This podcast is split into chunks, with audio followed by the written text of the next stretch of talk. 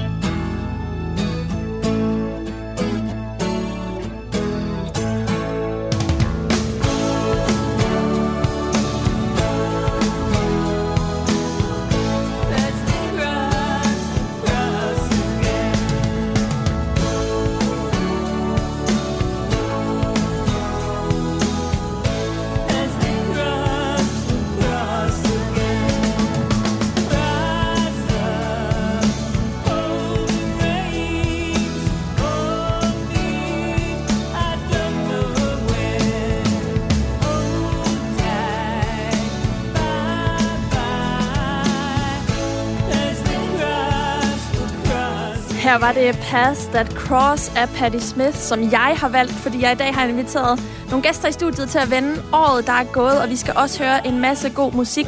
Og vi har også taget forskud på nytårsglæderne, kan jeg sige. Vi har knappet noget op at drikke, og det håber jeg også, at I har, og jeg vil gerne sige skål til dig, der lytter med, og skål til de seje gæster, jeg har i studiet her. Skål. Skål. Sådan. Og så skal vi vist også i gang med dagens program.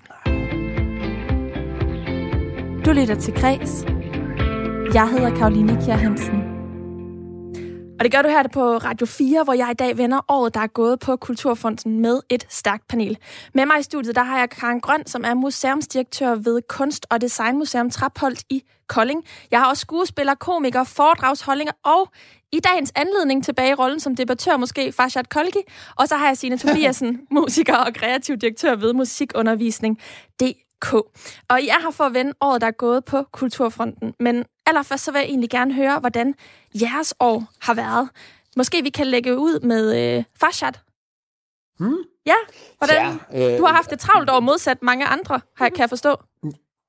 Ja, det har jeg. Jeg, jeg var så heldig, at jeg, øh, jeg har haft nogle forskellige projekter. Øh, øh, I starten af pandemien, så var vi alle sammen hjemme, øh, og det var, det var sådan meget frustrerende og meget skræmmende faktisk. Men så øh, efter påskeferien, da, da de åbnede op for skolerne, så gik jeg i gang med at lave øh, en figur, der hed øh, Fushu, en indisk figur, der tog ud og interviewede kendte danskere om- om deres op- og nedtur. Så- Og det, det var jeg beskæftiget med i 13 uger. Og så øh, var det sådan, at jeg så kunne, øh, var så heldig, at de der jobs, jeg havde i efteråret, de, de var ligesom, de, det blev åbnet op for dem, hvor jeg kunne tage ud og optræde og lave en, en en revy på, på, på Levyteateret, og, og så var, var jeg med i øh, på en lille tur med jule, øh, øh, en julekomedie, og men så blev vi så ramt nu her i december, ikke? Hvor, hvor jeg var med i Bellevue, på Bellevue Teaters øh, Kardemommeby. Desværre blev lukket, øh, øh, efter, efter vi havde optrådt tre uger. Så, så jeg var både heldig, men blev ramt til sidst af det hele. Men det satte gang, hele det her år har sat gang i utrolig mange øh, tanker, ligesom det har gjort hos os alle sammen. Ikke? Ja, men Farshad, altså der er jo mange, vi her på Kreds har vi talt med mange, som har været altså også hårdt økonomisk ramt. Det er jo ikke bare institutioner, ja. men også øhm, selvstændige øh, foredragsholdere, ja. eller debattører, eller kunstnere og komikere, som du er. Hvordan, hvordan har du, altså det lyder jo umiddelbart ikke til, at du har været, øhm, du har ikke mistet modet, lyder det i hvert fald ikke til på den måde, du fortæller om det her. Jamen, altså økonomisk er vi alle sammen blevet ramt. Det, det kan man ikke komme udenom.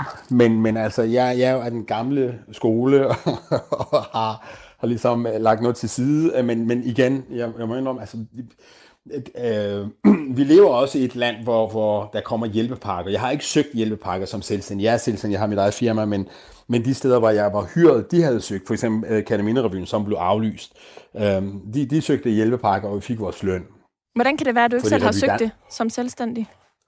Øh, det er fordi, at jeg, jeg kunne se, at alle de jobs, der blev aflyst i øh, foråret, dem, dem vil jeg få betaling for, fordi de, de blev bare flyttet senere hen, for eksempel i efteråret. Og jeg kunne bare se, at mange af dem kunne jeg øh, holde.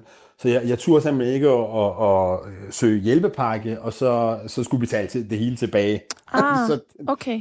Så også, det skal jeg også sige, altså jeg har en ufattelig dejlig, dejlig hustru, der, der arbejder i bryggerifirmaet, øh, bry- bryggeriforeningen i København, så hun har fast løn, og hun er jurist, så det er meget dejligt.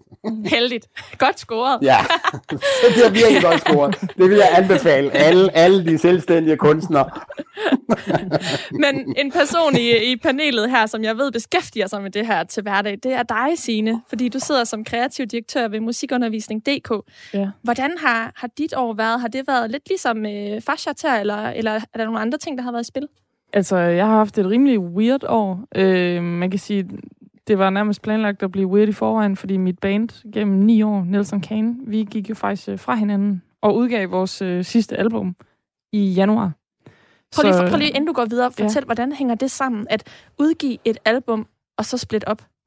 Jamen, det, det der var, øh, det der hører med til historien, er, at vi faktisk øh, besluttede os for at gå i opløsning året for inden. Vi ventede et år med at sige det højt. Øh, og i mellemtiden lavede vi et album. Øh, det er meget bagvendt, men, Ja. ja. men vi har altid været meget bagvendte. så vi lavede faktisk sådan en slags øh, forsoningsplade, også øh, ligesom på en eller anden måde at, at runde ordentligt af. Det følte vi, at vi skyldte hinanden. Vi, vi har kæmpet så hårdt for det, vi har lavet. Og det sidste, vi ville hinanden, var øh, enten at smække med døren, eller bare lade noget sige ud i sandet. Så vi tænkte, at øh, Nå, okay, men hvis vi endelig skal gå fra hinanden, så kan vi lige så godt gøre det på den mest sindssyge måde, vi overhovedet kan gøre. Og, øh, og udsælge store vægge, som vi i øvrigt var, vil jeg godt lige sige, udsolgt, inden vi annoncerede, at vi gik fra hinanden. Det var at, at lave det er et, et album, som vi er super stolte af. Altså, men, men, men i udgivelsen og i, i koncertafholdelsen, fik I så en trang til at fortsætte? Nej, egentlig ikke. Øhm, det er jo, øh, det er jo sådan en underlig ting i vores kultur. Det er som om, at, at hvis noget går godt, så skal vi bare have mere, mere, mere, mere, mere. Øhm, og der er egentlig noget meget stærkt i at sige, nu går det rigtig godt, så derfor stopper vi. Mm. Og det her, det var så begyndelsen af året. Hvad... Ja, det var ikke derfor, vi stoppede. Det må jeg sige. Men, men, altså, men, men der, der, er en, der er en styrke i at stoppe, selvom at man måske kunne have malket noget, noget mere. Så sådan, det er det, det, det handler om for os i hvert fald. Stop, mens lejen er god? Ja, eller mens man stadig har kontrollen. Ja, det er der nok mange, der kunne, uh, kunne lære noget af. Lære noget af. Ja, lige præcis. Men, men det her var begyndelsen af året. Der er jo mm. sket en masse andet siden. Ja, men altså, øh, som, som mange andre, så blev vi selvfølgelig også rigtig hårdt ramt af lockdownen øh, hos Musikundervisning.dk. Altså, vi, er, vi er en platform, hvor, der er en, øh, hvor undervisere kan blive godkendt. Øh, de skal igennem en godkendelsesproces, og så øh, kan elever og undervisere så finde hinanden på vores platform på musikundervisning.dk. Det er sådan en slags Airbnb for musikundervisning. Øh, så jeg har jo faktisk en berøringsflade med mange hundrede undervisere over hele landet, og de har alle sammen været utrolig hårdt ramt. Øh, og det er også nogle af dem, som øh, desværre er faldet mellem to stole rigtig mange gange i forbindelse med de her hjælpepakker.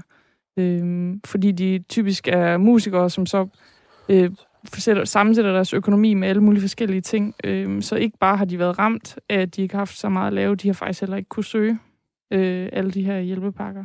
Så det har du fået en masse tid til at, at gå med, kunne jeg forestille mig, og forholde dig til det? Ja, også det. Ja. ja. Og, så, og, det, det og omstille til online undervisning og alle de her ja. ting. Ja.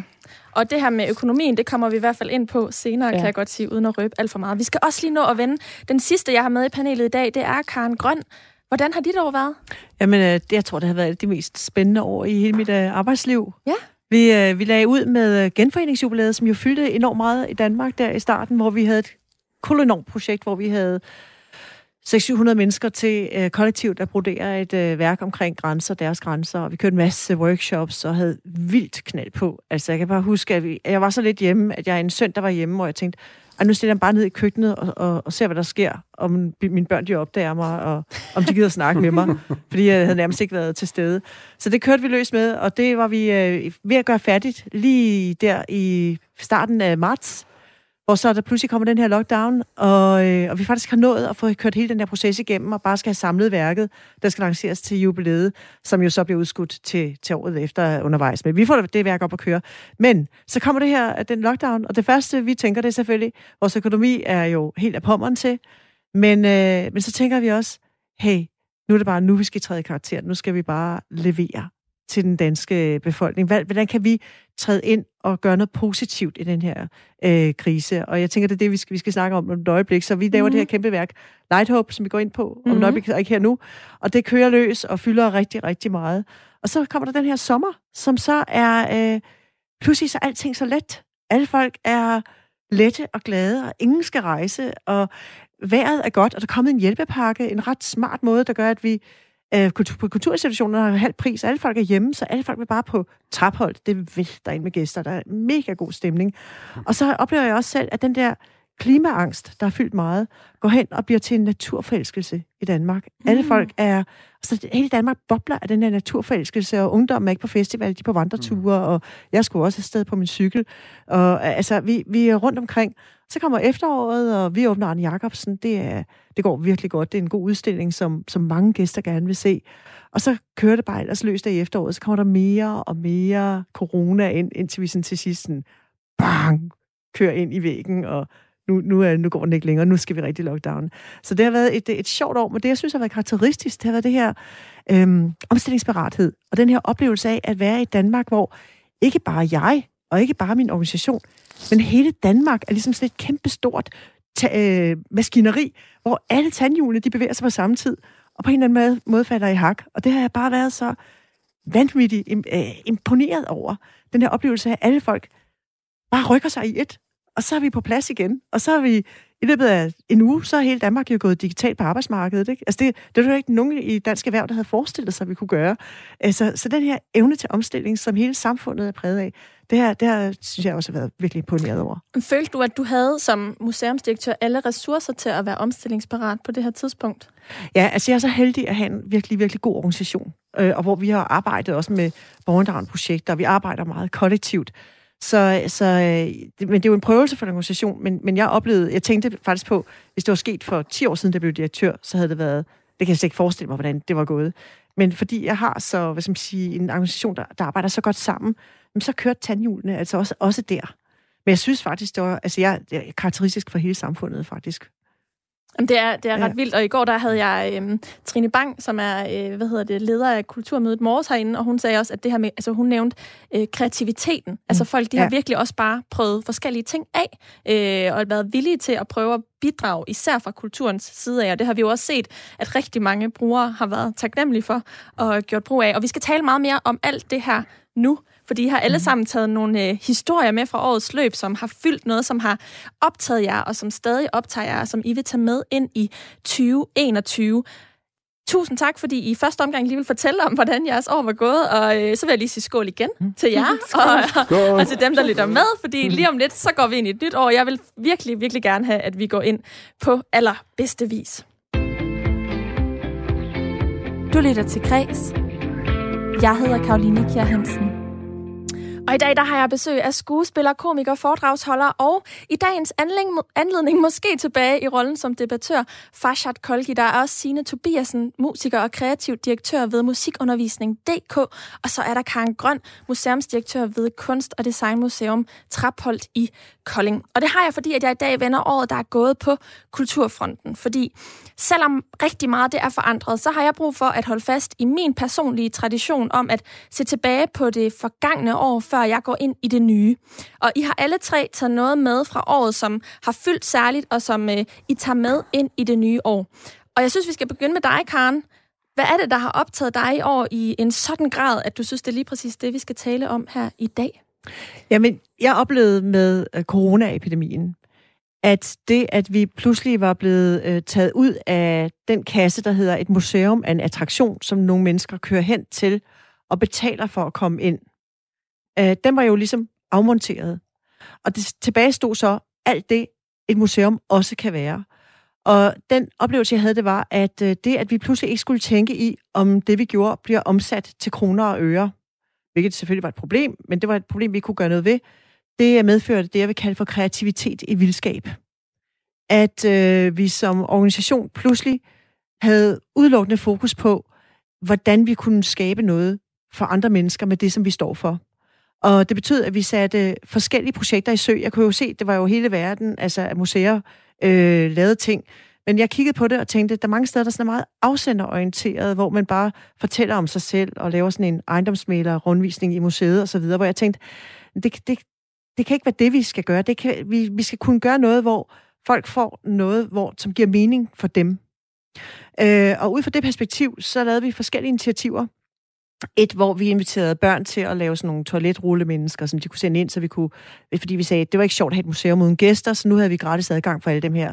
Og så fyldte vi bare museet op med alle de der millioner milliarder af toiletrullemennesker, der var rundt og lavede ting i museet. Øh, og så lavede vi... Øh, Altså toiletrullerne blev gæsterne. Øh, Ja, det var simpelthen vores gæster. Og det, Okay. altså, vi, fik, vi fik nogen fra USA, og vi fik nogen fra hele landet. De blev sendt til os i vilde mængder, alle de her sådan, toiletrulle mennesker, rullinger.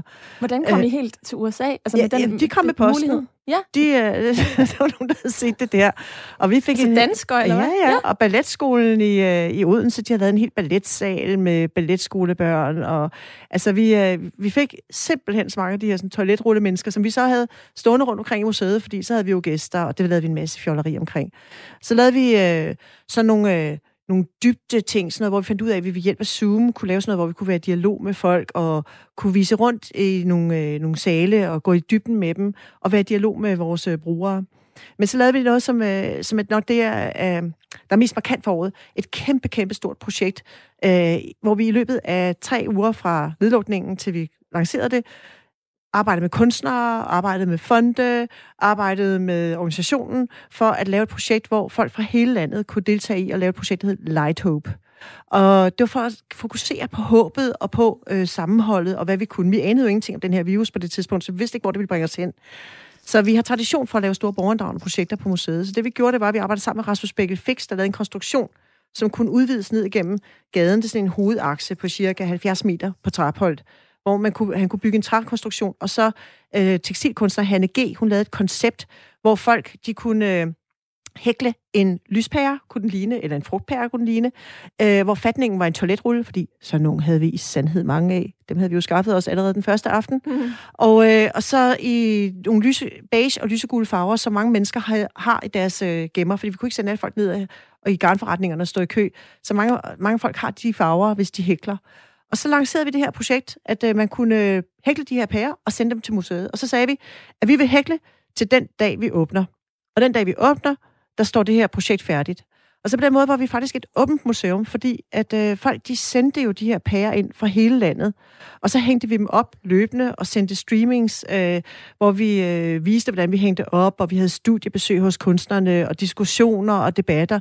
Og vi havde simpelthen så mange tilmeldte det her. Vi måtte udvide vores Zoom-account til 1000, fordi at, at der, der var så meget gang i den. Og øh, vi havde 27 opsamlingssteder over hele landet, hvor folk de havde tilbudt, de ville gøre det. Så begyndte folk at hækle øreringe, og de begyndte at dele garn og sætte ting frem i deres haver. Og den der sådan, Facebook-gruppe, den eksploderede, og der var, det var, så det blev til sådan et sted, hvor folk de kunne dele og snakke om corona, og, og kunne gøre det igennem det her medie, som var det, de hæklede, som de så også kunne følge, de bidrog. Og så endte det med, at øh, da vi så åbnede der sidst i maj, så havde vi lige et par dage, og så åbnede vi simpelthen med, at, øh, at den her installation så stod åben til folk. Og så lavede vi så, vi tænkte, vi kunne ikke lave en fanisering på normal vis, så vi lavede en øh, musikvideo til det her værk, øh, som vi så lavede en digital fanisering, og så kunne man ligesom opleve det øh, værket med den her sådan, musikvideo, med det stykke musik, som vi skal høre om et øjeblik, mm-hmm. øh, med Parcells øh, Music for a While, mm-hmm. som jo sådan at, at, at uh, comforting, altså sådan et et, et stykke musik, der, der giver trøst. Men, men det, som I gjorde, var simpelthen at prøve at tænke på, hvordan kan vi sætte os i brugernes sted, ja. sådan så at de stadig får noget ja. ud af os som institution? Jamen, og, og hvor det, som vi står for, som jo er kunst og design, det er i spil. Det er jo ligesom det, vi arbejder med. Vi skulle ikke gøre alt muligt andet. Og hvor vi fik lavet et ægte kunstværk, øh, hvor Hanne G. og Rasmus Vækkel fik lavet den her meget, meget flotte, store øh, installation, øh, Light Hope, og hvor folk de fik mening altså at samles om, og et eller andet at gøre. Vi lavede sådan nogle øh, virtuelle, for eksempel på vores Zoom-møder, så lavede vi sådan nogle virtuelle hægteklubber. Så en fra Færøerne, så hæklede hun sammen med en fra, fra Lolland, sammen med en fra Aarhus så mødte man andre folk og kunne sige, ej, hvordan går det hos jer? Og nej, og kan man stadigvæk øh, handle ind i den butik? Og, altså, øh, og folk, de lavede de her sådan, øh, øh, samtaler med hinanden i de forskellige områder, hvor de kunne låne ting af hinanden. Og de gjorde det på tværs af generationer. De ældre lærte de unge at hækle.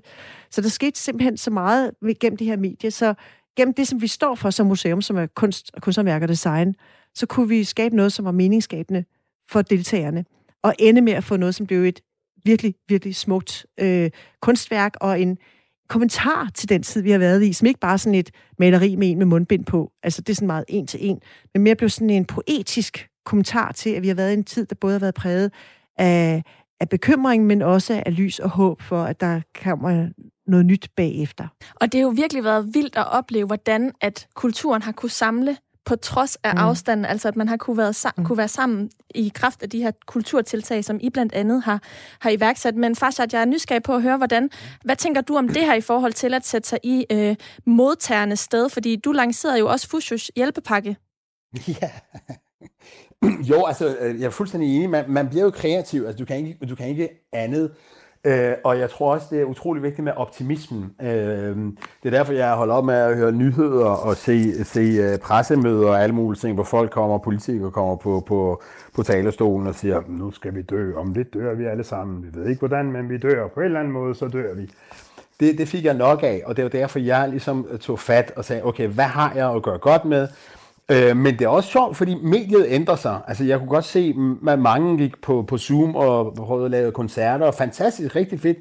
Men jeg tænkte, at jeg, jeg bliver nødt til at være tæt på, på mit publikum. Hvordan kan jeg gøre det? Og så valgte jeg at gøre det fuldstændig øhm, øh, trofast i den, øh, i, i, over for den nye medie, altså som, som jeg skulle, i stedet for scenen, så skulle jeg lave en, øh, i stedet for at lave det på, på Zoom, så tænkte jeg, okay, jeg laver en lille, lille bitte 10 minutters øh, tv-udsendelse øh, øh, om ugen. Og, og, og, og, og, og jeg var simpelthen nødt til at tænke kreativt, tænke anderledes. Det er sjovt, fordi inden coronaen ramte Danmark, der, der holdt jeg jo mange foredrag, men det er jo øh, farvel til det lige nu. Men det, det, mine foredrag, det handlede primært om øh, omstillingsparathed, om forandringer, hvor jeg øh, tog min egen historie i forhold til at flygte fra et land og komme til et nyt land, og at lære sproget og genvinde sin gamle drøm. I mit, i mit tilfælde var det jo at blive komiker, at blive historiefortæller. Men nu tænker jeg, wow, hele Danmark, hele verden, i hvert fald den vestlige verden, har været igennem den, den, den, disse vanvittige øh, forandringer, at alle kan holde foredrag om det nu. ja, men føler du så, at du er blevet øh, udfordret rent ja. altså sådan på konkurrenceparametret, kan man sige. ja, det, det må man sige. det er, og det er kun sundt. Det er virkelig sundt at, at føle konkurrencen. Det er virkelig sundt at tænke, okay, øhm, jeg, jeg kan ikke bare læne mig tilbage. Jeg kan ikke læne mig i, i min dejlige øh, sofa. Nogen kalder, jeg kalder det for min skønne, trygge sofa. Andre kalder det for comfort zone. Det er et godt gammelt dansk udtryk. Det hedder uh, comfort zone. Jeg ved ikke, om I kender det, men og, og, og, og man, man bliver nødt til at rejse sig op, man bliver nødt til at kigge ud, og ja, et eller andet sted, et eller andet sted vil jeg sige, hele corona, øh, øh, øh, pandemien, som, som har ramt hele verden, det, det har haft nogle tragiske øh, resultater, men man på en eller anden måde, hvis man skal være en smule optimistisk, så, så kan man godt se, at det var en velsignelse især for os her i, i Vesten. Fordi jeg tror, vi, jeg havde i hvert fald fået den form for grundmentalitet, øhm, som sagde, jamen, øj, det skal nok, det kommer, ja, puh, jeg skal, nok, jeg skal nok få mad på bordet i aften, jamen, jeg skal nok gøre dit, oh, det, jeg skal nok få et job om, om to uger. Det kommer, det plejer det jo at gøre, ikke? det plejer det at gøre. Men lige pludselig bliver vi ramt af noget, som siger, Nixon Bixen, det, det er ikke givet. Det er simpelthen ikke, du kan ikke læne dig tilbage og bare føle, at jeg har, jeg har haft succes en gang, så det bliver bare ved. Øh, og det, det må jeg indrømme, det rystede mig fuldstændig min grundvold. Så man kan sige, at øh, corona eller 2020 har både øh, været med til at gøre, at øh, kunsten har udviklet sig, men også at øh, netop fordi folk de ikke har, har kunne hvile på lavbærne, kan man sige. Mm. Øh, men det tænker jeg også har været tilfældet øh, ved musikundervisning.dk i forhold til, hvordan man kan, kan tilbyde musikundervisning. Du nævnte kort det her før med, med online musikundervisning, men har det været helt gnidningsfrit? Nej, altså jeg kan mærke, at mm, altså, jeg, jeg kan jo mærke, at jeg bliver både glad for at høre al den her optimisme og den her øh, gejst og den her kreativitet, som corona har vagt, og det har det virkelig også, og, og det har det også hos os. Altså vi har jo selvfølgelig gjort alt, hvad vi kunne. Vores undervisere har gjort alt, hvad de kunne. Forældrene til børnene og, og de voksne mennesker, som tager undervisning hos os. Alle har gjort, hvad de kunne. Men, men i, som jeg ser det, har det ikke været nok til at, at kunne sige, at, at, altså, at jeg synes, det er gået godt i hvert fald. Øh, vi, vi er en branche, som, som bare lige meget, hvor meget vi knokler, og lige meget, hvor meget kreativitet vi hælder ud, øh, så, øh, så, så står vi, så er vi blevet, vi, er vi altså blevet slået lidt tilbage i år. Øh, og ja, det er jo også ligesom noget, som jeg virkelig har bidt mærke i, det er jo det her med, at, at der er bare nogle grupper i samfundet, som taber mere øh, på det her end andre. Og uh, ja, jeg, har, jeg kommer over fra sådan en DIY-rock-baggrund, så jeg føler næsten godt, at jeg kan tilmelde mig lige sådan at snige mig lidt ind i sådan noget kulturelitært øh, her. Øh, at det her det er ikke kulturelitært, vil jeg bare lige nej, sige. Men, der er øh, plads til alle. Men måske, bare, måske også at være så fræk og beskylde nogle andre for at være det. Ja. Altså, at, øh, at der er nogle institutioner og nogle øh, grupper øh, i samfundet, men også inden for de forskellige kreative brancher, der er mere etableret og mere øh, hænger bedre sammen, end hvad der måske altid ikke altså, gør sig gældende for musikbranchen. Øhm, og det er jo også noget af det, der rammer os nu. Men vi kan i hvert fald sige, at corona har tvunget nye former frem. Vi talte også i programmet i går om det her med, hvordan der er kommet rigtig meget kreativitet. Man har været tvunget til at netop at omstille sig. Men det er jo også interessant, fordi vi sidder i et panel, eller i et panel bestående her af forskellige roller. Du har også siddet ved, ved museet i 10 år, og, og modsat Sine, som jo er nyt tiltrådt uh, kreativ direktør ved mm. musikundervisning.dk, og det vil du gerne uh, uddybe. Jamen, jeg har en kommentar til det, fordi at, uh, vi stod nemlig faktisk og kiggede ind i en, en uh, konkurs ja.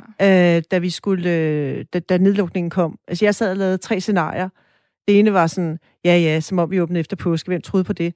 Og så var der, og så var der en sommeråbning måske, og så var der en vinteråbning. Og der kan jeg huske, at, øh, at jeg, jeg sad og tænkte, der ene var jo at kunne give noget til, øh, til befolkningen. Altså jeg tænkte, jeg kan jo ikke gøre noget fra eller til, og kulturministeren og alle politikerne, det var jo fuldstændig døve jo, det var ligegyldigt øh, med kulturen jo, fik vi at vide. Øh, og så tænkte jeg, okay, Øh, nu gør vi det her, fordi det kan gøre noget for befolkningen. Men jeg har tænkt faktisk også, at hvis vi er nogle af dem, der render ind i en konkurs, hvilket jo var et scenarie, jamen, øh, så er der nogen, der skal sige, det museum må bare ikke gå konkurs. Men det er jo, og det er jo det, alle det det. kæmper jo ikke? for, altså for ja. livet, ikke? Ja. Hvor jeg tror bare, at den del af de kreative brancher, som jeg repræsenterer, der står folk enormt alene. Ja. Øh, hvor det er helt sikkert, at, ja øh, de lidt større kulturinstitutioner, mm. der er man trods alt en personalegruppe, mm. eller mm. øh, ja. nogle fonde, der backer en, eller et eller andet, altså hvor, hvor man siger, særligt musikbranchen, og den del af musikbranchen, jeg ligesom repræsenterer, der er det bare hver mand for mm. sig. Og, og jeg tror bare, der er nogle folk derude, som har haft så hårdt et år, at de faktisk næsten ikke engang orker at råbe op om det mere. Kunne du, kunne du godt tænke, at kunne du, kunne du godt frygte helt fra branchen simpelthen, at der er noget, der falder fra hinanden, der aldrig vil komme tilbage igen? Ja.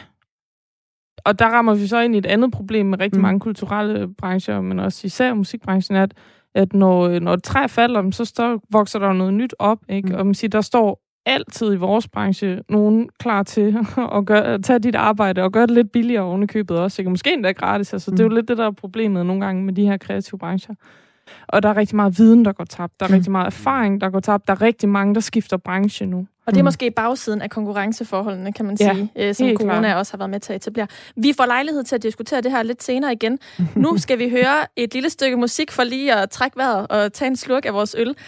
Karen, du har valgt nummeret. Vil du ikke præsentere det for lytterne? Ja, da vi uh, skulle præsentere uh, Light Hope, som jo uh, var det her værk, vi lavede sammen med tusind borgere fra hele Danmark, øh, der valgte vi så at lave en musikvideo. Jeg skal lige sige i øvrigt, at de deltagere, vi havde, de var, de var fra hele Danmark, altså ikke bare fra Koldingområdet eller noget. De var, og de var faktisk fordelt på samme måde, som vores, vores gæster normalt er, med 20 procent fra København og øh, 50 procent fra Region Syd og så videre. Altså, det var ret sjovt, at vi ligesom bare havde været åbne, bare uden at få betaling for det.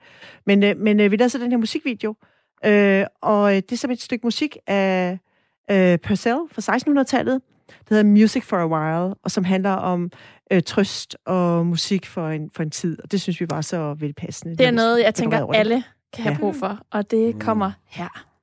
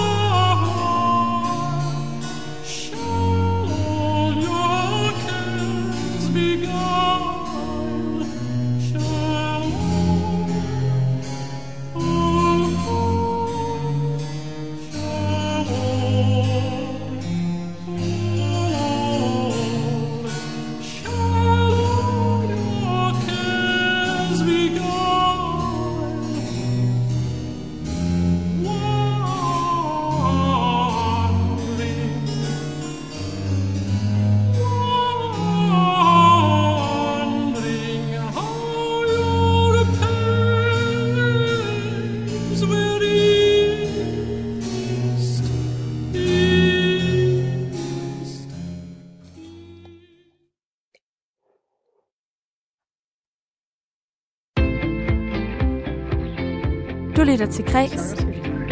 Jeg hedder Karoline Kjær Hansen.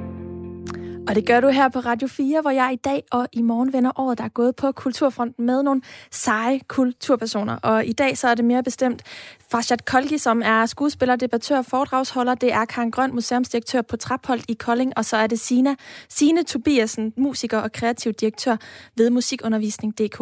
Og øhm, Farshad, jeg tænker, at nu mm. skal vi øh, have lidt, øh, høre lidt om, øh, hvad du har taget med fra året, der er gået, og tage med ind i det nye år. Hvad er det, vi skal tale om nu? Jamen altså, ja, det, vi, vi skal tale om politisk korrekthed.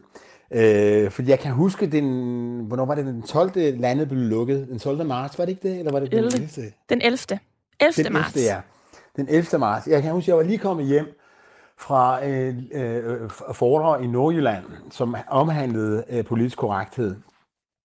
Øh, så kom jeg hjem, og så øh, lukkede hele landet og resten af historien. Og så kan jeg bare huske, at jeg tænkte, okay, fordi vi anede ikke, hvad det var. Vi anede virkelig ikke, hvad det var for en sygdom, om, vi, om folk ville falde om øh, i gaderne, eller hvordan det var ledes. Øhm, og jeg må indrømme, at jeg var virkelig, virkelig skræmt. Lige pludselig kom, kom livet i fokus. Ikke? Så, så, så blev alle de der små ting, vi altid render rundt og siger, nej, hvorfor er det trafik, og hvorfor er det dit og dat. Kom, det blev lige pludselig sekundær. Øh, og, og øhm, og så tænkte jeg, at hele den der politisk korrekthed, som, som, som jeg havde holdt foredrag om, som jeg havde debatteret og diskuteret og havde puttet i min øh, comedy og alt det der, det, det, det er væk nu. Så tænkte jeg, jeg, jeg vil aldrig nogensinde optræde med politisk korrekthed. Emnet politisk korrekthed mere. Fordi nu, nu har vi tsunami, ja, hvad hedder nu har vi corona. Men jeg skal sandelig love for, at den er kommet tilbage igen. Mm. Øh, og det er ikke en, en enkelt historie, jeg vil tage op. Det er simpelthen det, der tematikken, det er, er tendensen omkring politisk korrekthed, som jeg synes er øh, ved at vokse og, og blive større og større og større. Og jeg ganske kort, ja, der er forskellige eksempler, og lige senest som øh, det eksempel med... Øh, øh, leder af Danske Kunstakademi, som, som smed en byste ud i mm. Københavns havn øh, for at gøre opmærksom på den danske kolonitid. Øhm, Som jo kun var et led i hele sådan en, en hel række af statuevandaliseringer. Ja, øh, og, og, og, øh, og det, det, det, det, det ramte mig rigtig hårdt, fordi for mig er den form for politisk korrekthed, altså det politisk korrekthed generelt, er for mig noget, øh, en, en farlig tendens. Øh, for mig har det intet at gøre med respekt for den næste, hverken næstekærlighed, eller det har ikke noget at gøre med pli eller høflighed, øh, eller empati for den sags skyld. Det, for mig er det, er det en vej til, til en form for øh, indretning. Det, det er en, en, en, et redskab øh, for at få hele samfundet til at tænke ens. Øh, og det er ekstremt, ekstremt uhyggeligt. Øh, øh, status, øh, statuer og, og, og, og, og historie, øh, hvad kalder man det, øh, at fjerne historien, fordi vi i øh, nutidens øh, kontekst ikke bryder os om, hvad der skete i fortiden, og nu skal det altså cancel øh, øh, kulturen, som man kalder det også. For mig er det virkelig, virkelig skræmmende. Hvorfor er det skræmmende? Fordi jeg selv oplevede det i 79, da Iran blev ramt af en revolution. Det var præcis de samme ting, der skete. Man måtte ikke sige nogle bestemte ord, vi i min skole fik at vide, at vi skulle rive sider ud, bestemte sider og bestemte kapitler ud af vores øh, tekstbøger i skolen.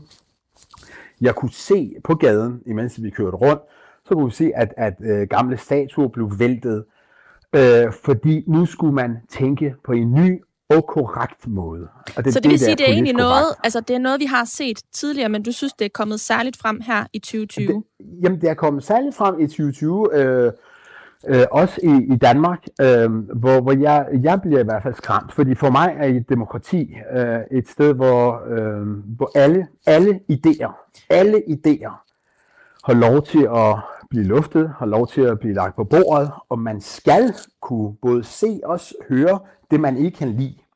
Og så er man gudskelov øh, beskyttet af grundloven. Og der er allerede øh, folk, der byder ind her i studiet, øh, Farshad, men jeg vil lige spørge dig allerførst. Kan du tillade dig at sige de her ting, fordi du, du er den, du er? Altså fordi du har en anden etnisk baggrund? Eller hvad, hvad tænker du selv øh, omkring hele sådan, den her udtalelse, du kommer med nu? Ja, se, se, det er sjovt, ikke? Fordi det i sig selv, hvis man skulle virkelig, virkelig være tænke i raser, det i sig selv er en racistisk udtalelse, fordi jeg er den, jeg er. Øh, og det, så skal man sige, okay, hvad, hvad mener du med det? Fordi jeg betragter alle mennesker som værende mennesker. Mm. For hvis man skal bekæmpe racisme, så skal man være fuldstændig farveblind. Øh, og sige, ved du hvad, det, det er lige meget. Hvis du siger det, så er det fordi, du siger det, du, fordi du har de holdninger, de erfaringer, og ikke fordi du har den farve. Jeg synes, øh, jeg forstår godt, hvad du mener med det spørgsmål. Øh, men nej, tro mig, øh, det er selv sorte mennesker i USA, som er gået imod den bevægelse, der er kommet, som bliver kaldt for racister eller onkel Tom og den slags ting. Men netop er, fordi, at du siger det her med, at der er fokus på politisk korrekthed i dag, så kunne ja. der jo være nogen, der vil reagere på en udtalelse som din. Og det ved jeg, at uh, Signe i hvert fald har noget at sige det, Jamen, her jeg bliver nu. simpelthen bare nødt til at sige, at jeg synes hele det her, øh, altså begrebet politisk øh, korrekthed, eller PC, som det også tit bliver ja. forkortet til. Altså jeg synes, det er sådan et pseudovidenskabeligt begreb, der kan bruges til at lukke munden på enhver kritik, både den ene og den anden vej. Den, mm. det, man kan ligesom passe det ind til enhver lejlighed, man lige finder belejlig. Og det, jeg synes er det helt store problem her, er jo i virkeligheden, at, at, at vi desværre er nået et sted hen i den offentlige debat, hvor vi ikke kan øh, sige vores mening højt, eller, eller kan, kan debattere og være uenige på en anstændig måde, det er et stort problem. Men jeg mm. synes, det er enormt problematisk. Altså nu jeg, jeg er full-blown feminist, og, og jeg er simpelthen...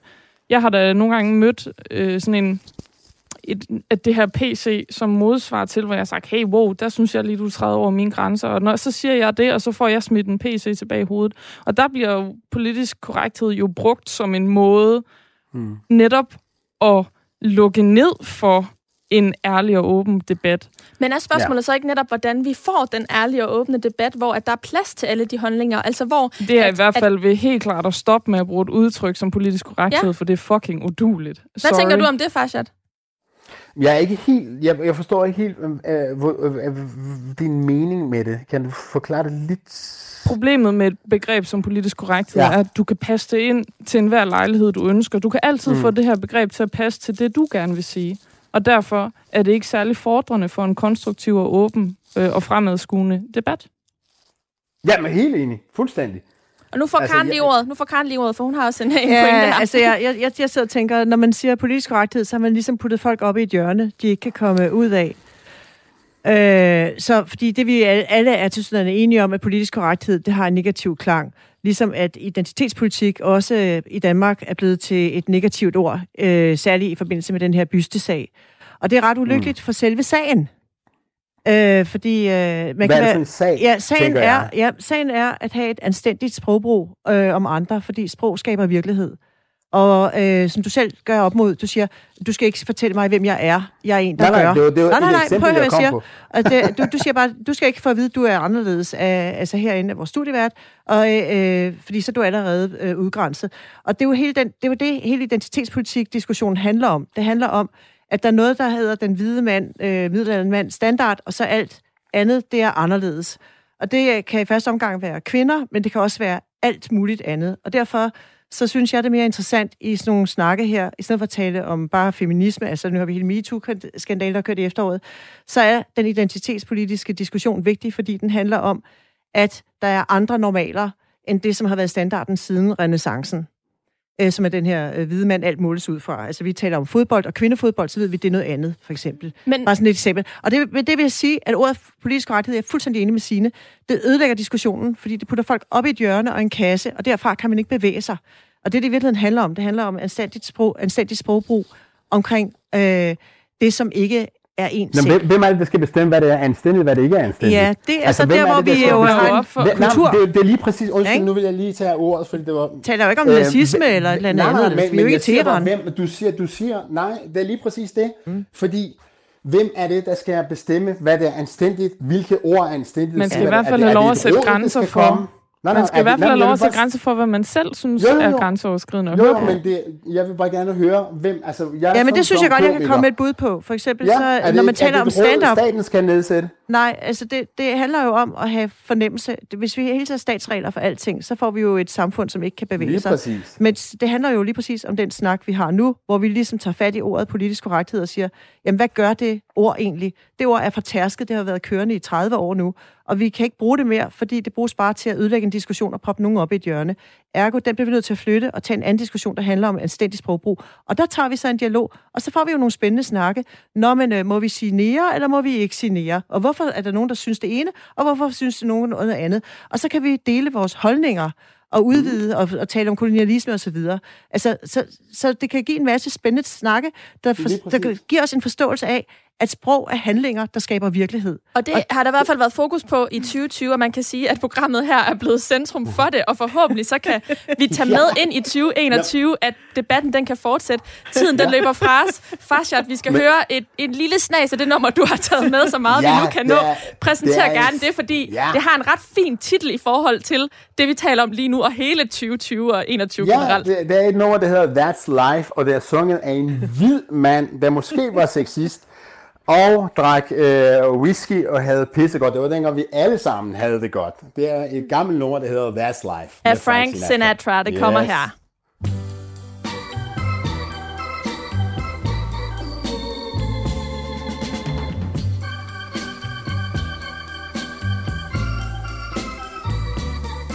That's life. That's life. That's what all the people say. You're riding high in April, shot down in May. But I know I'm gonna change that tune. When I'm back on top, back on top in June. I said that's life. That's life. And as funny as it may seem, some people get their kicks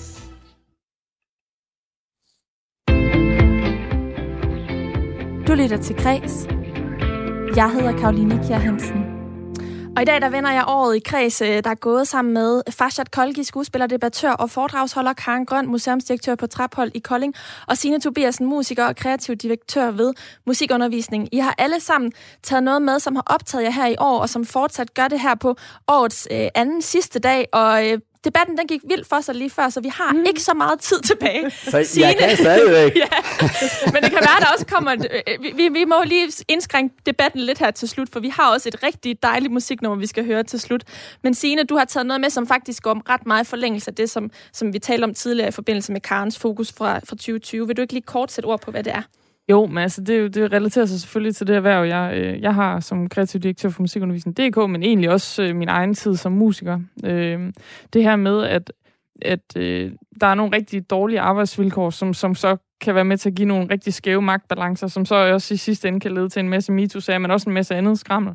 Øh, men det, det, nu vil jeg prøve at fatte mig i korthed, og så ligesom sige noget af det, jeg, der virkelig har gjort ondt i det her år, og som jeg håber, at, at at vi kan gøre noget ved i fremtiden. Det er det her med, at der er en meget lille anerkendelse af, øh, hvor meget øh, hvor meget et erhverv det er at være musiker. Ligesom alt muligt andet. Jeg synes, det er enormt problematisk at se, hvordan det at være musiker ikke bliver betragtet som et, et lige så almindeligt job i virkeligheden, som alt muligt andet. Altså det her med, at nu sidder jeg og, og arbejder med en masse musik, musikere og musikundervisere gennem mit arbejde, men sådan set også en masse dejlige elever, som gerne vil have undervisningen fra dem. Ikke? Øhm, men, men de skal søge lønkompensation og alle de her ting. Dem skal de jo sådan set nogle gange søge gennem Kulturministeriet, nogle gange gennem Erhvervsministeriet, og det her med, at man, det er faktisk rigtig svært at leve af at være kunstner. Det er enormt svært, og de fleste har sådan en patchwork-økonomi. Men, og, men hvis det er noget af det, du har lært fra i år, eller ja. i hvert fald har været opmærksom på, har du så gjort dig nogle tanker om, hvordan vi kan øh, være med til at ændre den forestilling, der er øh, næste år for eksempel, eller fremadrettet? Jeg håber, at der vil komme en større politisk forståelse for, at der er rigtig mange mennesker, der lever øh, med en patchwork-økonomi, som vil sige, at de, de skraber deres penge sammen for rigtig mange forskellige indkomstkilder, og det gør, det, rigtig, det gør, at de tit falder uden for samfundet i virkeligheden, kan de føle, når der opstår situationer som det her. Og i hvert fald, for at man kan blive opmærksom på problem, så er man nødt til at tale sammen, og det føler ja. jeg, at vi har gjort i dag. Vi skulle have talt meget længere tid, føler jeg, men tiden den er simpelthen løbet fra os, og vi skal høre det sidste nummer. Signe, vil du ikke øh, præsentere det? Øhm, det skal jeg gøre ganske kort. Det er et remix af et nummer, som øh, mit eget band har lavet, og øh, det er en del af et remix-projekt, vi lavede, da første lockdown kom, hvor vi tilbød vores spor fra vores øh, album, som udkom i januar, øh, til at andre kunstnere måtte tage dem og bruge dem, ligesom de ville, og, og så ville vi udgive musikken, øh, som de sendte retur. Øh, i håb om, at vi kunne skabe en ekstra øh, indtægtskilde for nogle af de her kunstnere. Og det bliver simpelthen den sang, som vi lukker og slukker kreds med i dag. Inden jeg gør det, så vil jeg lige sige tusind tak, fordi I var med til at vende året, der gik her, øh, og holde fast i en af mine faste traditioner med at se tilbage på det forgangne år. Tak Karen Grøn, Farshad Kolgi og Signe Tobiasen. Og ja. også tusind tak til dig, der har lyttet med. Kreds er tilbage igen i morgen, hvor min kollega Isa Samuelsen står ved roret og har øh, stykket Kulturens ABC anno 2020 sammen til jer. Om lidt så er der øh, nyheder, og på den anden side dem, der står Tue Vinter klar med øh, en ny øh, udgave af Monarkiet. Men først så kommer her altså Kasper, Kasper Grønkærs remix af Nelson Kans nummer No Longer Afraid. Rigtig god aften. Dun.